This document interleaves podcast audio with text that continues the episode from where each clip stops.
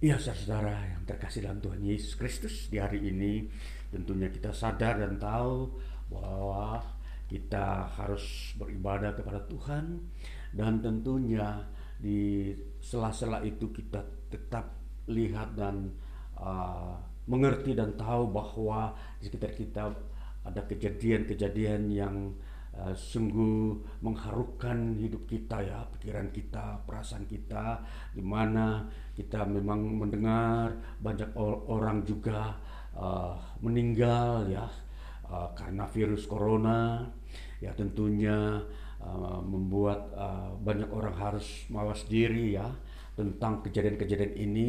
Dan namun demikian kita umat Tuhan tentunya kita melakukan ibadah ini bukan sesuatu yang uh, keadaan uh, terpaksa tetapi suatu uh, perbuatan kita untuk memang menghampiri Tuhan di dalam kita menaikkan doa bahkan berharap kepada dia tentang hidup kita yang kita sedang juga menantikan pemeliharaan Kristus Yesus. Ya tentunya firman Tuhan yang kita selalu mendengar dan membaca tentunya keajaiban-keajaiban Tuhan masih tetap ada dan terjadi. Ya, mujizat-mujizat Tuhan masih uh, berlaku sampai hari ini. Kita yang percaya tentunya kita akan melihat perbuatan Tuhan dari surga. Tuhan tidak akan meninggalkan perbuatan tangannya di muka bumi ini. Sejarah iman, sejarah keselamatan itu tetap terlaksana sampai hari ini. Di mana kalau ada uh, berbagai-bagai uh, musibah atau kesukaran atau penyakit di situ tidak akan uh, menjadi sebuah bencana bagi anak-anak Tuhan, ya bagi orang-orang percaya, tentunya ini semua adalah bagian penggenapan firman Tuhan. Sehingga kita harus mengerti bahwa kita hidup saat ini bukan untuk kita sendiri, tapi hidup karena kehendak Allah. Allah menghendaki kita hidup supaya kita menerangi dunia ini, kita menjadi saksi Kristus bahwa Kristus mengasihi setiap orang yang mau datang kepada Dia. Mari kita membaca firman Tuhan. Hari ini kita ter, terambil dari Injil Matius pasal 11 ayat 29 bagian B dan yang kedua Injil Matius 5 ayat 13. Bunyinya demikian.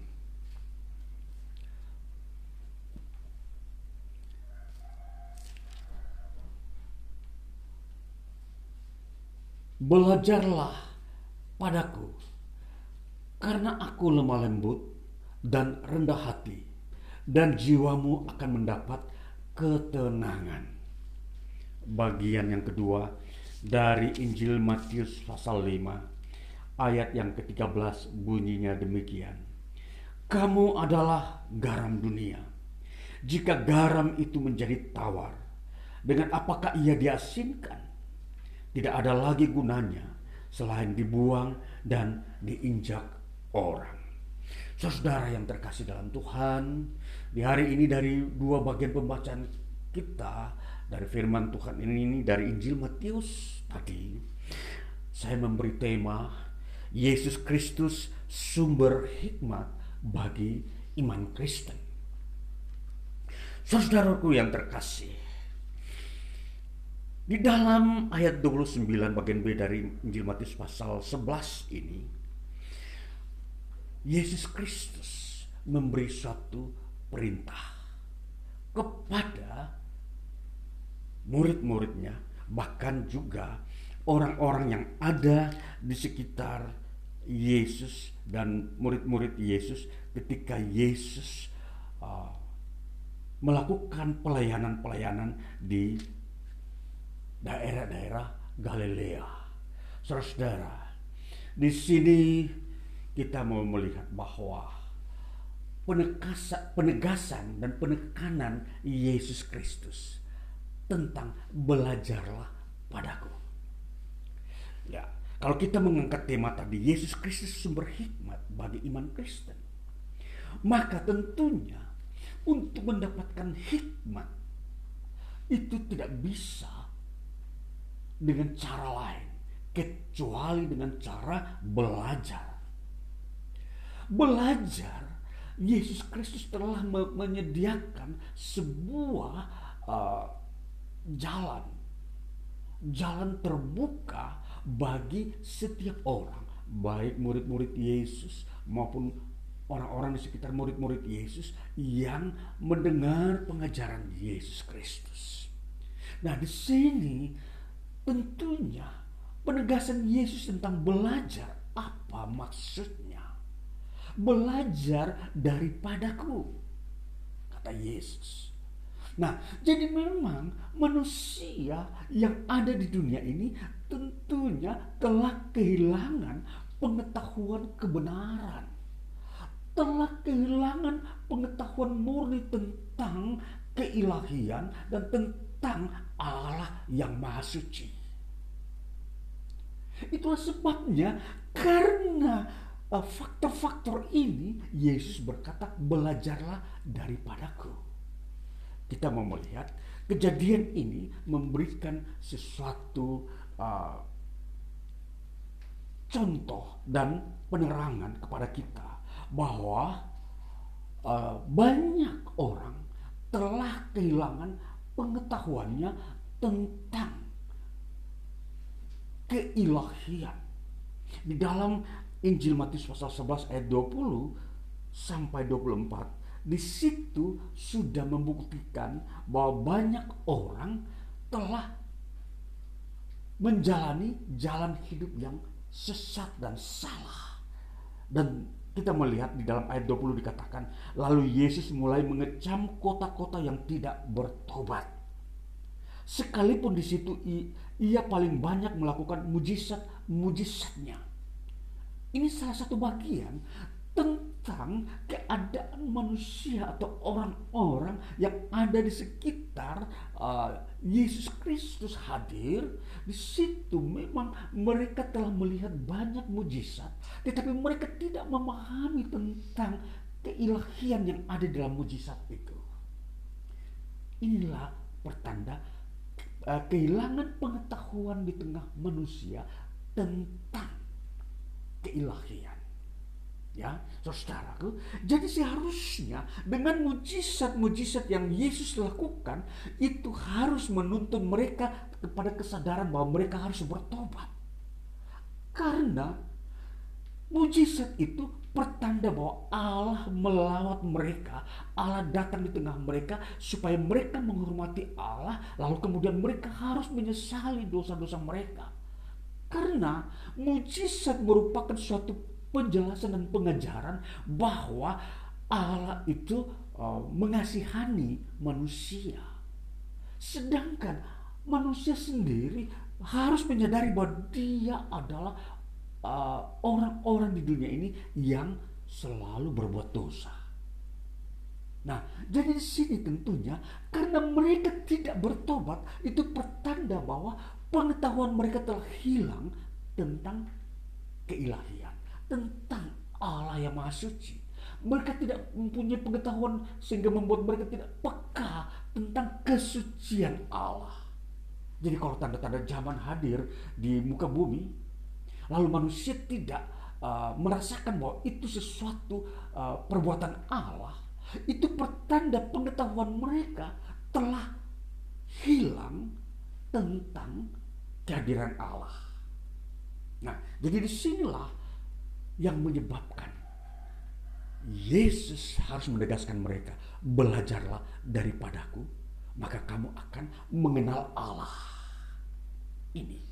Jadi saudara-saudaraku, ini sebuah penegasan. Jadi belajar, ya. Jadi untuk mendapatkan hikmat itu kita belajar bukan dari siapa-siapa, bukan dari orang pandai, bukan dari uh, uh, nenek moyang kita yang yang Adam bernama Adam atau nenek moyang kita yang uh, bernama uh, mungkin Nuh atau tokoh-tokoh yang lain atau para nabi.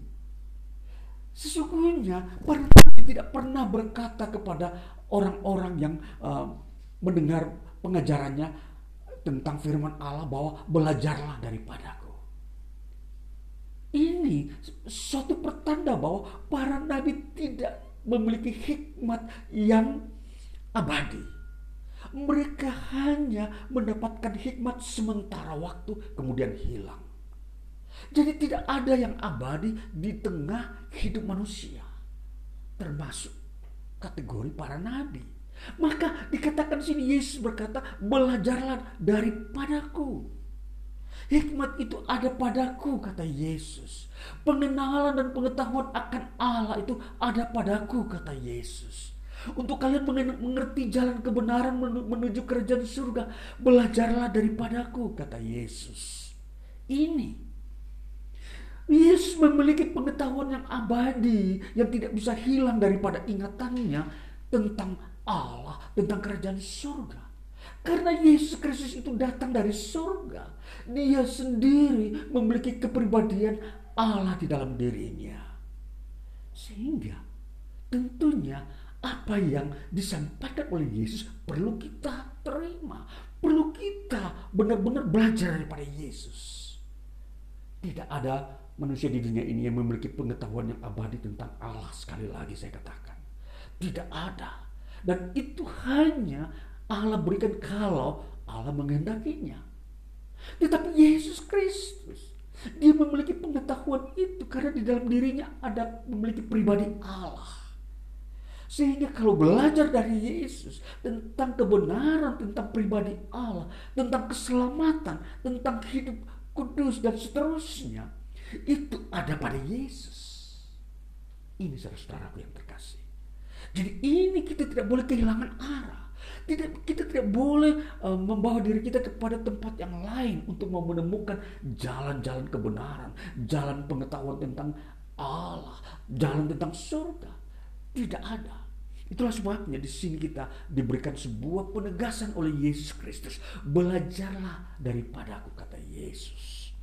Saudara-saudaraku yang terkasih, ini kalau kita mau melihat apa yang Yesus tegaskan tentang belajarlah padaku. Dalam bahasa Yunani dikatakan matete ab emo. Ya. Dalam bahasa Yunani bunyinya demikian. Matete ab emo. Artinya belajarlah daripadaku. Ya. Dikatakan matete Ya, kata matete ini adalah sebuah kata perintah. Ya, kata perintah yang bersifat present. Kata perintah yang bersifat pre present artinya bersifat kekinian ada dalam zaman sekarang di dunia ini. Jadi perintah hanya sesuatu yang bersifat kekinian itulah yang bisa dibuat perintah. Kalau masa akan datang itu tidak akan mungkin. Itulah sebabnya hidup hari lepas hari itu selalu diisi dengan perintah Allah, perintah Yesus. Ini kita belajar namanya. Matete itu artinya belajar. Belajarlah. Jadi belajar itu suatu kita melakukan perintah Yesus. Belajar. Belajar dari Yesus. Belajar dari kata-kata matete ini dari kata mantano ini mempunyai dua arah pengertian. Pengertian pertama, belajar dalam bentuk pengetahuan kita tentang keilahian, tentang kebenaran, tentang uh, surga. Di sini itu pengetahuan yang harus kita tahu, yang harus kita uh, uh, apa namanya mengerti. Kata man, karena kata mantano ini ada mempunyai tiga tingkatan selain mengetahui, memahami, dan mendengar. Jadi tingkatan-tingkatan ini permulaannya tentunya kita dari mendengar. Belajar itu mulai dari mendengar. Jadi kalau orang tidak pernah mendengar Injil, dia tidak pernah belajar. Kalau orang tidak pernah membaca Alkitab, dia tidak pernah belajar. Itulah sebabnya kita harus um, selalu mendengar firman Tuhan.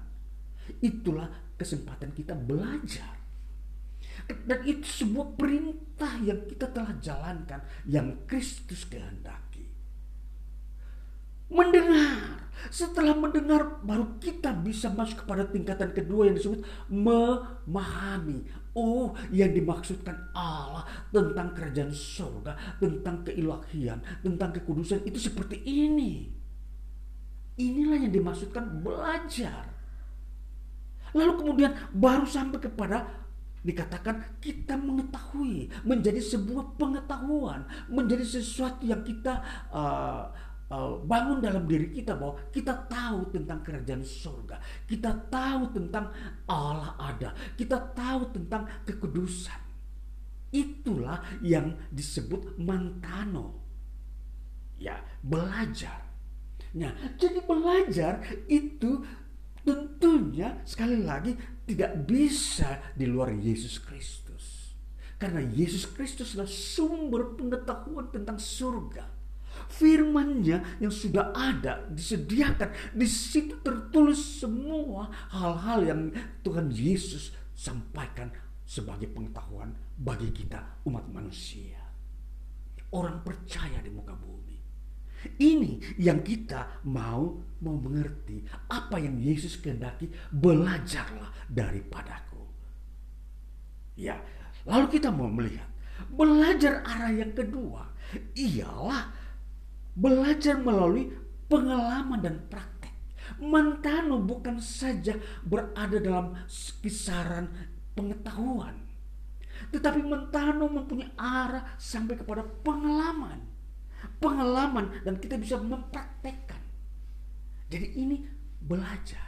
Jadi belajar mempunyai dua tingkatan tadi mulai dari kita mendengar dan mengerti menjadi tahu lalu masuk ke, kepada tingkatan yang kedua bahwa kita belajar mempraktekkannya dan mengalaminya. Ini bahwa apa yang Yesus perintahkan dari kata mantano ini Ya, matete itu berarti bahwa kita akan mengalami apa yang kita tahu. Apa yang kita tahu tentang kekudusan Allah, tentang kasih Allah, tentang kebenaran Allah, itu kita akan jalani dan mempraktekkan dan alami. Itu belajar. Sehingga pengetahuan iman Kristen ini bukanlah pengetahuan hanya bersifat dalam teoritis di dalam uh, nalar-nalar uh, manusia. Bukan teori-teori saja. Tapi kita akan mengalami mengalami apa yang disebut jalan kebenaran, jalan keselamatan, jalan pengampunan dosa, jalan pemulihan. Itu mantano Nah, jadi Yesus berkata belajar itu artinya bahwa kita itu akan dibimbingnya, tidak ditinggalkan sendiri. Belajar daripadaku itu artinya Yesus di depan kita di belakang. Yesus memberi contoh kita mengikutinya. Itu belajar daripada Yesus. Inilah guru yang terbaik. Dia tidak memberikan soal lalu suruh kita menjawab sendiri. Lalu kita mencari jawaban dari tempat lain bagaimana menjawab persoalan hidup ini, bagaimana menjawab persoalan-persoalan yang ada di dunia ini, baik krisis, baik penyakit, dari mana kita mendapat jawaban? Bukan seperti itu Yesus memberikan pelajaran. Yesus memberikan pelajaran ialah supaya kalau manusia atau kita di dunia ini menghadapi bencana, masalah, krisis, kita tahu di mana tempat menemukan jawabannya. Kita datang kepada Yesus bertanya, manakah jawaban yang engkau kehendaki dari krisis yang kami hadapi? Lalu Yesus akan berkata, ini jawabannya. Ialah kamu memanggil namaku. Kamu berdoa datang kepadaku. Itulah menjadi pengalaman. Jadi pengalaman itu kita bisa mempraktekkan. Oh Yesus berkata Allah menyertai kita. Yesus berkata bahwa Allah uh, Uh, membuka jalan-jalannya bagi kita sehingga kita tidak akan mengalami jalan buntu. Allah ada dengan kita, dia melakukan mujizat-mujizat untuk menyingkirkan semua uh, rintangan-rintangan uh, yang menghambat hidup kita. Itu menjadi pengalaman. Jadi mentano itu sampai ke tingkat pengalaman praktek. Bahwa hidup kita di dunia ini tentunya mempunyai relasi dengan teori yang kita terima. Firman yang kita dengar itu mempunyai relasi atau korelasi dengan perbuatan atau kehidupan kita di dunia ini. Tidak bisa ada jurang pemisah antara iman dan pengalaman hidup. Ini Mantano belajar. Jadi belajar dari Yesus itu seperti itu. Selalu ada korelasi atau hubungan sebab akibat di mana kita mengerti firman, kita akan melihat praktek iman itu. Jadi kalau ada masalah-masalah di dunia ini sudah tidak bisa menjadi sesuatu yang uh, asing bagi kita. Kita tahu ke mana kita temukan jawabannya. Yaitu kita datang kepada Tuhan. Kita sudah dilatih, diajar apa itu berdoa. Apa itu meminta. Di situlah kita akan menemukan bahwa di situlah Tuhan akan melakukan pertolongan Immanuel. Ini dia belajar.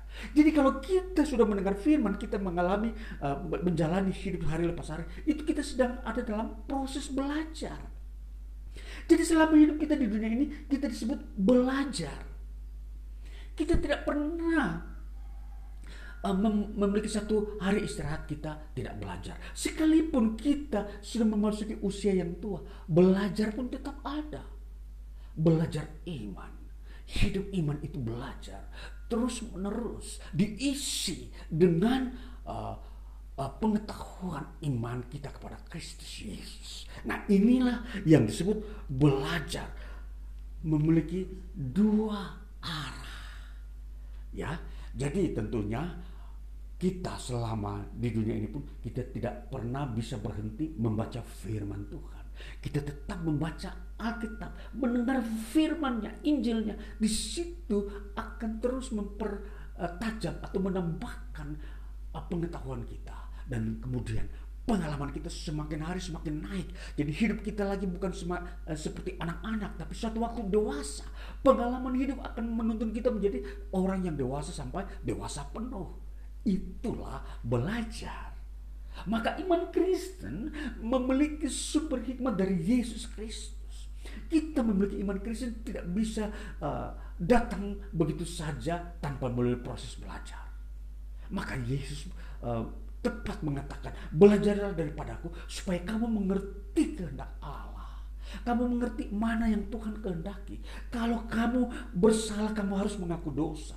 Kalau kamu uh, telah melakukan hukum-hukum uh, yang Tuhan tidak kehendaki, kamu sadar dan kamu mengaku dosa. Dan pengakuan dosa di sini sangat penting. Ini adalah proses belajar. Karena manusia tidak bisa langsung secara otomatis ketika dia uh, mendengar firman, dia langsung dewasa dan mengerti. Dia harus melalui, melalui proses yang disebut mulai bertobat sadar. Oh ya saya salah. Dia bertobat, mengaku dosa. Ini belajar. Jadi pertobatan merupakan bagian daripada proses belajar.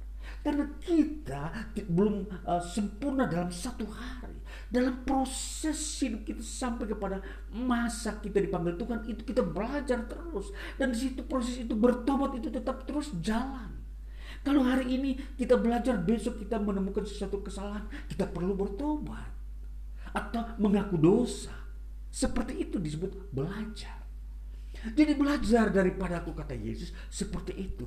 Maka Yesus sang juru selamat penebus dosa selalu mengampuni dosa, kesalahan, kelemahan kita di saat-saat kita sedang belajar. Jadi iman Kristen adalah iman yang membawa manusia ke dalam proses belajar tentang kebenaran Allah, tentang kehadiran Allah, tentang karya Allah, tentang kerajaan surga, dan semua yang berhubungan dengan kerajaan surga yang ada di tengah dunia ini, di dalam hidup manusia, dan di, di dunia yang akan datang.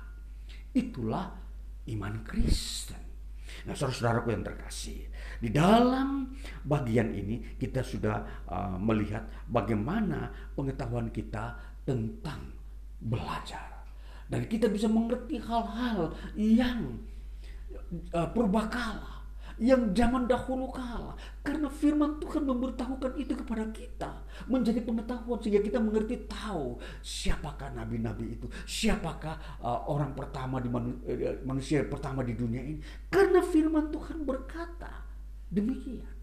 Sehingga firman Tuhan tidak boleh uh, lalai dalam hidup kita. Ini pengetahuan kita yang sangat-sangat uh, uh, membahagiakan hidup kita sebagai manusia di muka bumi. Kemudian kita mau melihat bagian yang kedua di dalam Injil Matius pasal 5 menerangkan tentang bagaimana kita ini harus belajar. Dikatakan Matius pasal 5 ayat 13 demikian bunyinya firman Tuhan, "Kamu adalah garam dunia. Jika garam itu menjadi tawar, dengan apakah ia diasingkan? Tidak ada lagi gunanya selain dibuang dan diinjak orang." Garam dunia dalam bahasa Yunani, humeis este tohalas tes ges. Humeis, kamu. Este adalah tohalas garam tes di antara gas manusia di dunia ini. Jadi, saudara-saudaraku, garam di antara manusia di dunia. Kamu, kalau Yesus katakan, kamu yang sudah belajar tentang pengetahuan-pengetahuan keilahian, maka kamu sebenarnya adalah garam dunia. Jadi hanya orang-orang yang belajar tentang Injil, mereka itulah adalah orang-orang yang diibaratkan dengan garam. Ya, garam saudara-saudara, kalau kita uh, melihat apa yang ditekankan oleh Yesus, garam uh, diangkat sebagai sebuah uh, sebuah uh, katakanlah perumpamaan uh, atau perbandingan ya bahwa kalau garam itu semua orang sudah tahu bahwa garam itu adalah asing, ya. Garam itu berada di sekitar laut, ya. Tentunya garam itu adalah uh, satu benda yang memang uh, telah uh, dipakai oleh manusia sebagai bahan-bahan uh, untuk kesehatannya dia ya baik untuk dalam dunia uh, apa uh, medis ya uh, pengobatan-pengobatan tradisional maupun dalam uh, apa namanya cita rasa atau uh, pengawetan ya pengawetan uh, terhadap makanan-makanan yang supaya tidak mudah busuk ya. Ini garam. Nah jadi garam itu dia ada di laut dia tidak bisa jadi garam kalau tidak diproses Garam itu tidak bisa ada kalau dia tidak bisa di, di, di apa namanya diambil dari laut, disaring, lalu kemudian dikeringkan, lalu kemudian dibersihkan. Ini proses. Maka kalau kita mau melihat apa yang dimaksudkan garam oleh Yesus ini adalah garam yang sudah siap dipakai. Kalau kamu mendengar Injil, itu berarti kamu sudah mengalami proses untuk menjadi garam kamu sudah siap dipakai untuk meng, uh, apa namanya me, me, mengatasi persoalan-persoalan dunia. Nah, jadi di sini uh, uh, Yesus Kristus membuka sebuah wawasan kesadaran tentang orang-orang yang datang kepada Yesus. Orang-orang yang datang kepada Yesus diingatkan atau di uh, sadarkan oleh Yesus bahwa kamu yang datang kepadaku dan belajar tentang firman yang kuajarkan kepadamu, kamu adalah garam. Nah, jadi kalau sudah seperti itu, kamu adalah garam, jagalah, gunakanlah garam itu. Ya, fungsikan garam itu. Nah, jadi kalau kita lihat di sini, tentunya garam ini akan terpakai di semua tempat-tempat yang dibutuhkan oleh kehidupan manusia. Ya, jadi saudara-saudaraku, kalau kita mau melihat proses pembuatan garam, kalau garam itu tidak diproses uh, secara tepat dan benar, dia tidak akan memperlihatkan kualitas garam yang baik.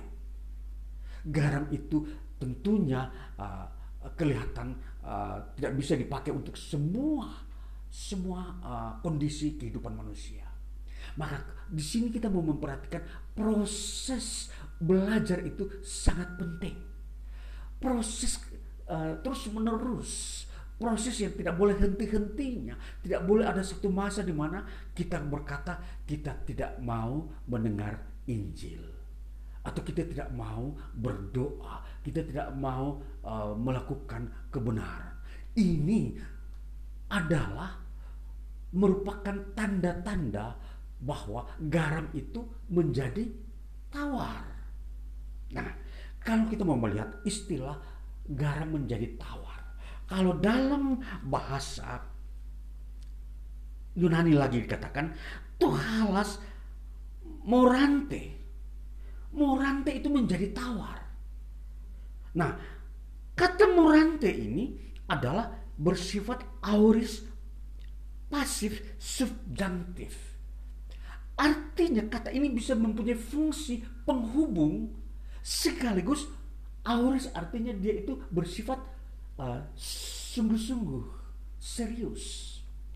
Jadi dia merupakan benda penghubung.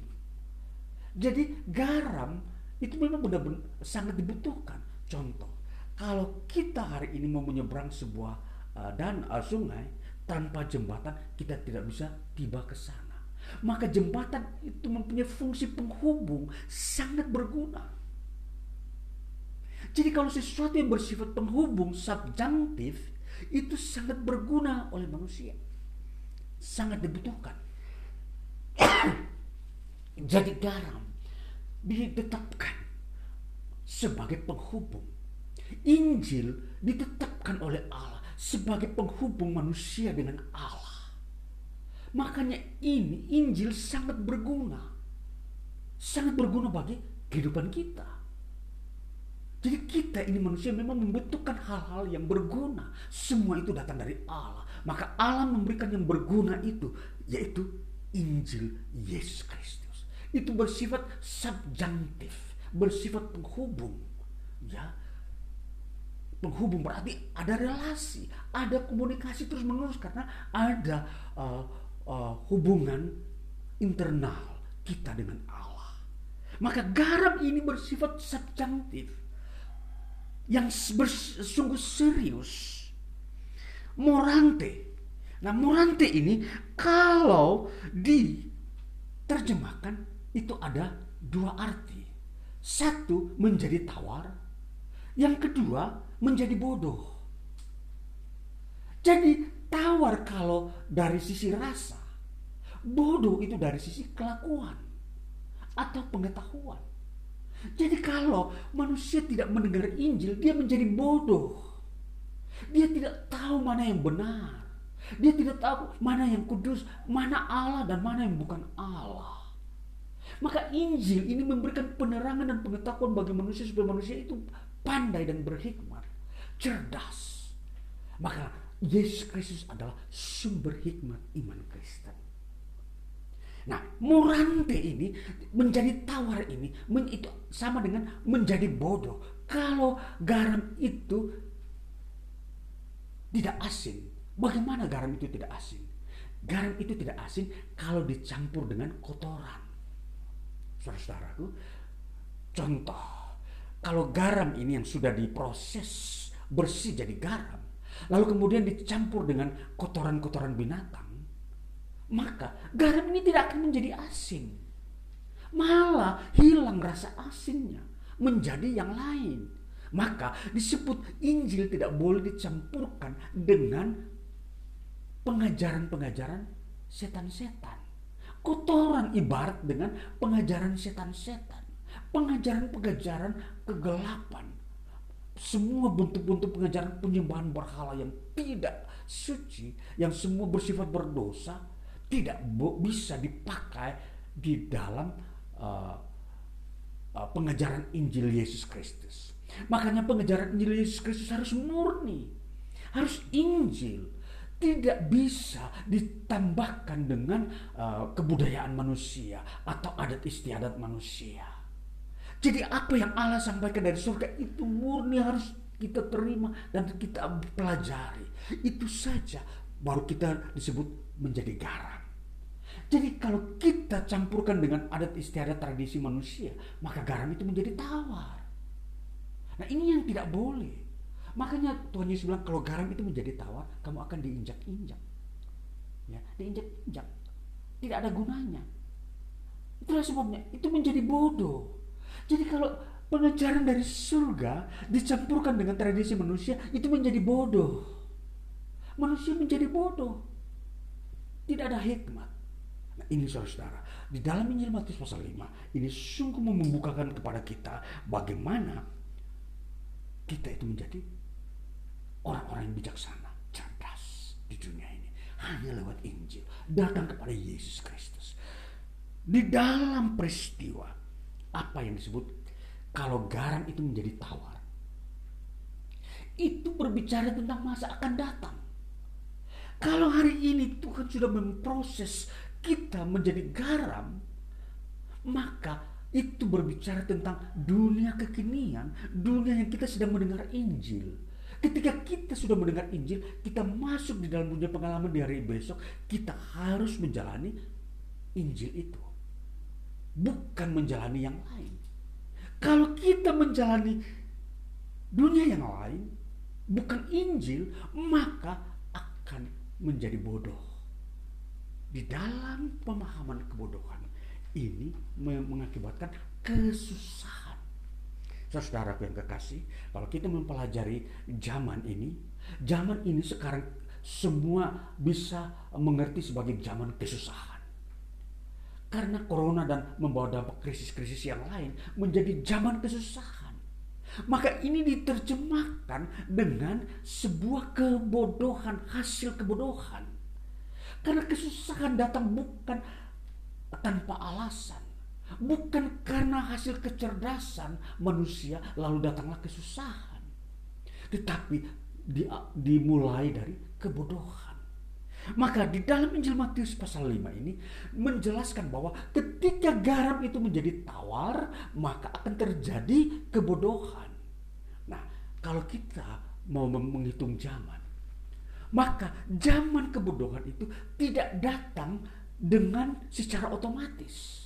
Itu mempunyai latar belakang sejarah. Bisa saja 20 tahun yang lalu, bisa saja 10 tahun yang lalu, bisa saja lima tahun yang lalu. Jadi kebodohan di sini terjadi karena manusia meninggalkan kebenaran. Manusia meninggalkan pengetahuan tentang Injil Yesus Kristus. Manusia mengabaikan dan meremehkan Injil dari sorga. Sehingga terjadi manusia membusuk garam itu menjadi tawar. Fungsi garam sudah mulai habis sehingga terjadi kesusahan-kesusahan. Inilah yang disebut kebodohan manusia. Jadi saudara-saudara, jadi ini kita melihat bahwa untuk merubah zaman 20 tahun ke depan harus mulai dengan Injil di hari ini. Injil ini harus dijalani hari lepas hari. Sehingga ketika memasuki 20 tahun depan, sejahtera selalu ada. Pemeliharaan Tuhan selalu ada. Tuhan selalu hadir dengan kemuliaannya, dengan berkatnya di muka bumi, di tengah-tengah umat manusia. Ini pelajaran. Pelajaran yang Yesus Kristus berikan kepada kita.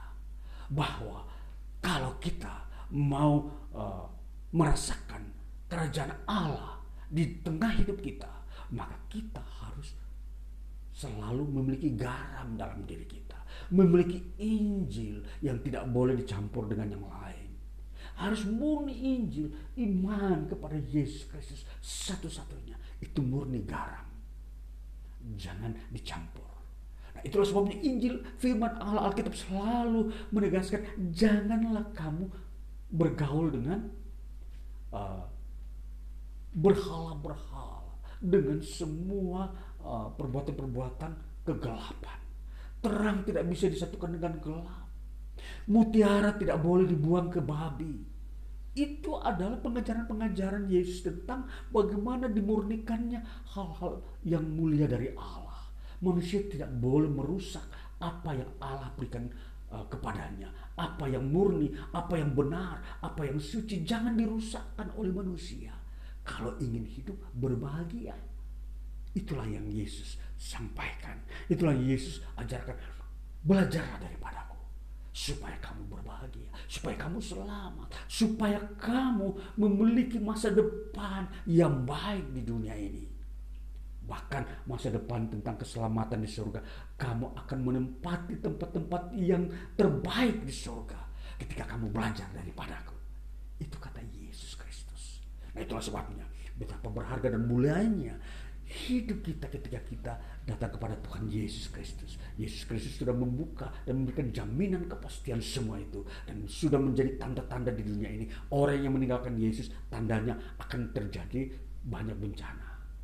Itu seperti itu. Maka manusia harus sadar dengan pengetahuan itu, maka dia harus datang kepada Tuhan Yesus. Itu tidak ada pilihan-pilihan lain, tidak ada alternatif ketiga. Hanya dua, si yang satu yang tidak mau datang kepada Tuhan Yesus, yang satu datang kepada Tuhan Yesus. Itu seperti itu. Sehingga kalau manusia tidak datang kepada Tuhan Yesus, maka dia ada datang kepada dunia ini. Nah, itulah sebabnya tidak bisa ada campuran. Tidak boleh ada campuran dunia dan kerajaan surga. Maka di sinilah harus pilihan yang tepat bagi kita.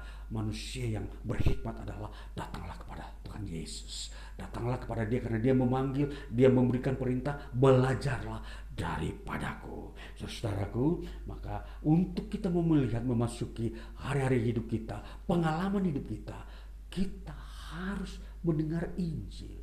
Kita harus uh, selalu memohon kepada Tuhan untuk uh, memberikan uh, kebenarannya kepada kita dan kita menjalani dalam pengalaman hidup kita. Dan ini sebagai orang yang percaya hari ini kita harus memiliki pegangan bagaimana apa yang Tuhan Yesus perintahkan. Datanglah belajarlah kepada Tuhan Yesus. Terimalah Tuhan Yesus. Uh, akuilah dosamu dalam hidupmu kepada Tuhan Yesus Kristus. Dia mengampuni dosa-dosamu. Karena proses hidup ini adalah proses belajar. Hidup ini adalah proses belajar. Tidak ada seorang pun yang tidak pernah berbuat dosa. Maka berbahagialah orang yang mengaku dosanya Di sinilah proses belajar. Tuhan memaklumi bahwa manusia itu memang berdosa, maka manusia harus bertobat, mengaku dosanya. Di sini adalah hal yang benar, bukan untuk memalukan manusia. Memang manusia telah diketahui oleh Allah, mereka telah dibodohi oleh iblis, dicobai oleh iblis sehingga mereka jatuh dalam dosa. Dan inilah kita harus sadar bahwa kita datang kepada Tuhan untuk menemukan hak hidup kita sebagai manusia untuk bisa diterima di hadapan Allah. Itulah hak hidup kita, ialah datang kepada Allah. Kita adalah milik Allah, ciptaannya Dia. Maka kita harus kembali kepada Dia. Inilah Yesus berkata, belajarlah daripadaku. Maka kamu akan menemukan Allah. Kamu akan menerima segala kebenaran Allah. Hidup yang kekal. Tuhan Yesus memberkati kita dan kita akan masuk dengan penuh kekayaan Allah, kesempurnaan yang datang dari Allah hanya dalam Yesus Kristus Injilnya itu akan menolong kita umat manusia di muka bumi ini. Tuhan Yesus memberkati kita. Haleluya. Amin. Ya, mari kita masuk di dalam doa kita, dalam doa syafaat. Mari kita berdoa. Bapa di surga kami bersyukur kepadamu karena hari ini kami telah diteguhkan, dikuatkan lagi dengan firman-Mu kami belajar dan kami telah mendengar akan firman-Mu, kehendak-Mu.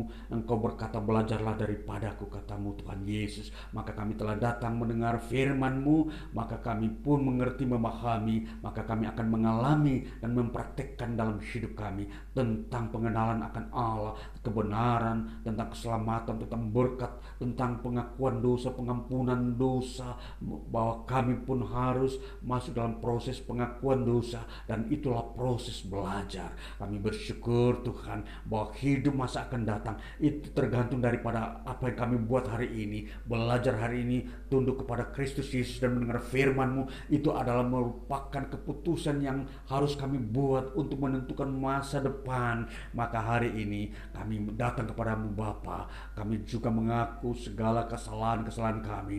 bahwa kami pun uh, adalah manusia yang berdosa. Kami tidak luput dari dosa. Kami harus mengaku setiap dosa, pikiran, perkataan, perbuatan, dan sikap, sikap dan bahkan iman yang sering goncang, bahkan khawatir, takut dan segala macam. Itu semua mendatangkan keberdosaan keberdosaan kami. Maka kami mau datang kepada Tuhan mengaku dosa kami bahwa perbuatan mujizat yang Tuhan buat itu pertanda bahwa Tuhan datang hadir di tengah kami supaya kami sadar kami mengaku dosa kami bahwa Tuhan datang untuk menyelamatkan, mengampuni dan memberkati hidup kami. Tuhan Yesus terima kasih. Maka hari ini kami datang kepadamu setelah kami mengerti firman-Mu, kami pun mengakui dosa kami. Kami mau masuk dalam hidup pengalaman hidup kami hanya dengan Injil Yesus Kristus percaya kepada Yesus Kristus tanpa harus menambahkan kepada yang eh, hal-hal yang lain baik adat istiadat tradisi dan pengetahuan-pengetahuan manusia yang manusia bangun di dunia ini tanpa dasar kesucian. Maka di dalam Injil Yesus Kristus itu adalah sumber kesucian yang Tuhan sediakan bagi umat manusia di muka bumi. Sehingga manusia bisa berbahagia memasuki hari-hari ke depan sehingga terlepas dari malapetaka mara bahaya bahkan juga penyakit bahkan uh, krisis-krisis yang sedang terjadi. Tuhan ampuni kami supaya kami bisa melihat hari yang cerah yang berbahagia damai sejahtera. Duduk dengan menikmati hati kasih sukacita menyanyikan nyanyian pujian kepadamu. Maka kami berdoa hari ini, ampuni setiap orang yang ada di belahan bumi ini, di negeri kami, di, belahan bumi yang lain. Dari dosa-dosa, kesadaran-kesadaran bahwa kami perlu mengaku dosa, supaya kami mengalami pengampunan, sehingga Tuhan meluputkan, melepaskan kami dari ancaman-ancaman maut, dari ancaman-ancaman kematian oleh karena virus, corona, penyakit-penyakit yang diderita oleh manusia. Ya Bapa, itulah sebabnya kami berdoa sebelum masa-masa ini mencapai titik puncaknya masa-masa penderitaan yang melanda banyak orang seluruh uh, orang masyarakat di sekitar kami, di sekitar bangsa kami, di sekitar dunia ini. Maka kami berdoa biar hari ini melalui firman kami datang kepada Tuhan Yesus Kristus. Ampuni dosa kami, kami belajar kebenaran, pengenalan akan Tuhan, pengetahuan uh, tentang kasih Tuhan bahwa Tuhan mengasihi umat manusia. Maka kami datang menyembahmu Tuhan Yesus Kristus. Biarlah kasih Roh Kudus memenuhi kami. Darah Yesus yang tertumpah di kayu salib itu mengampuni dosa-dosa kami umat manusia. Tuhan melakukan semua itu demi kasih karunia yang Tuhan sediakan supaya kami tidak mengandalkan pengetahuan kami sebagai manusia, kami tidak mengandalkan ke kepandaian kami sebagai manusia yang mempelajari alam ini. Tuhan kami datang kepadamu. Kami memanggil nama menyerukan namamu Tuhan Yesus. Datanglah dan kasihanilah kami. Berkatilah kami, pulihkan kami. Saudara-saudara kami yang sedang mengalami banyak gangguan, ketakutan, kegelisahan. Datanglah lawat mereka, setiap mereka di tempat tidur mereka, rumah mereka. Hiburkan mereka dan bahkan ajarkan mereka tentang pengenalan akan Kristus Tuhan, Juru Selamat yang mengampuni dosa. Dan biarkan pulihkan mereka hati jiwa mereka mereka datang kembali tunduk di hadapan Tuhan. Kami berdoa menyerahkan ke dalam tanganmu kehidupan kami umatmu, jemaatmu, gerejamu, bangsa kami dan negara kami ke dalam tanganmu Tuhan. Biarlah engkau sendirilah datang mengasihani. Kami tahu engkau sedang melawat bangsa kami, maka datanglah mengampuni kami dosa-dosa kesalahan kami, dosa masa lalu kami 20 tahun yang lalu, 10 tahun yang lalu yang kami perbuat salah, kesombongan, kesombongan, keangkuhan, semua keserakahan, ketidakadilan, semua semua dosa-dosa kami ampuni Tuhan. Bahwa kami bukalah uh, hari ke depan kami ini dengan penuh kasih. Biar kami saling mengampuni kami melupakan kesalahan orang-orang lain biarlah semua saling mengampuni. Maka hari ini Tuhan kami belajar daripadamu bagaimana hidup dalam kebenaran. Tuhan Yesus terima kasih. Maka kami naikkan segala doa sahabat kami ini. Kami percaya kami masuk hari besok dengan penuh kasih kuasa damai sejahtera kelepasan dari segala kesukaran kesukaran sekarang kami akan masuk dalam dunia bekerja dengan menikmati hasil jeripaya kami, keringat kami. Kami akan makan, minum, bergembira, bersuka cita, menghirup udara dengan segar, dengan penuh sukacita lagi. Tuhan memberkati semua umatmu yang berada berba, uh, berbagai dunia ini, belahan dunia ini yang kau lawat dan berkati. Maka Kemuliaan bagi nama Tuhan ada di tengah kami di bumi ini. Kemuliaan Tuhan memenuhi seluruh bumi dan nama Tuhan ditinggikan. Namamu Yesus Kristus kami puji selama-lamanya.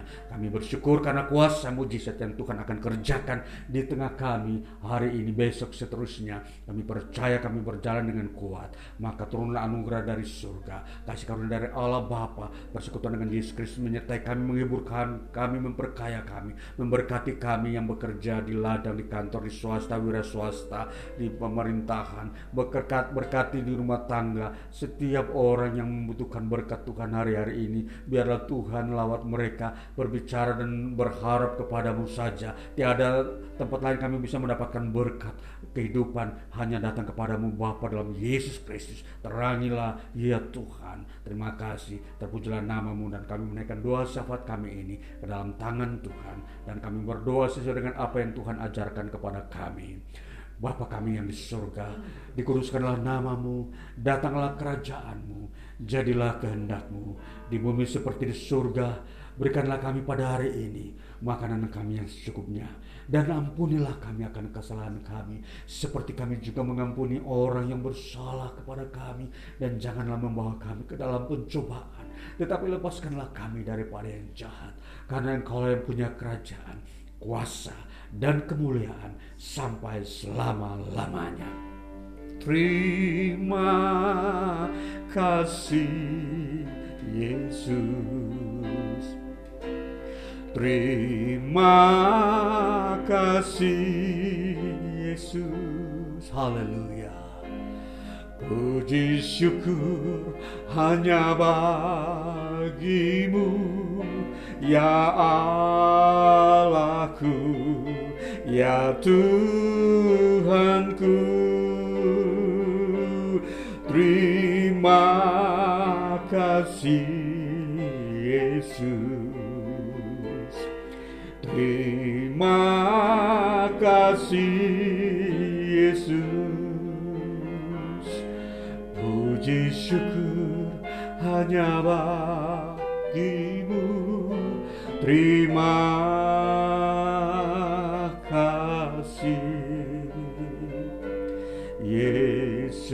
Bapak terima kasih untuk kasih firman kami telah datang kepadamu karena kami telah percaya dan kami menerima berkatmu dalam nama Tuhan Yesus Kristus. Haleluya. Amin. Puji Tuhan.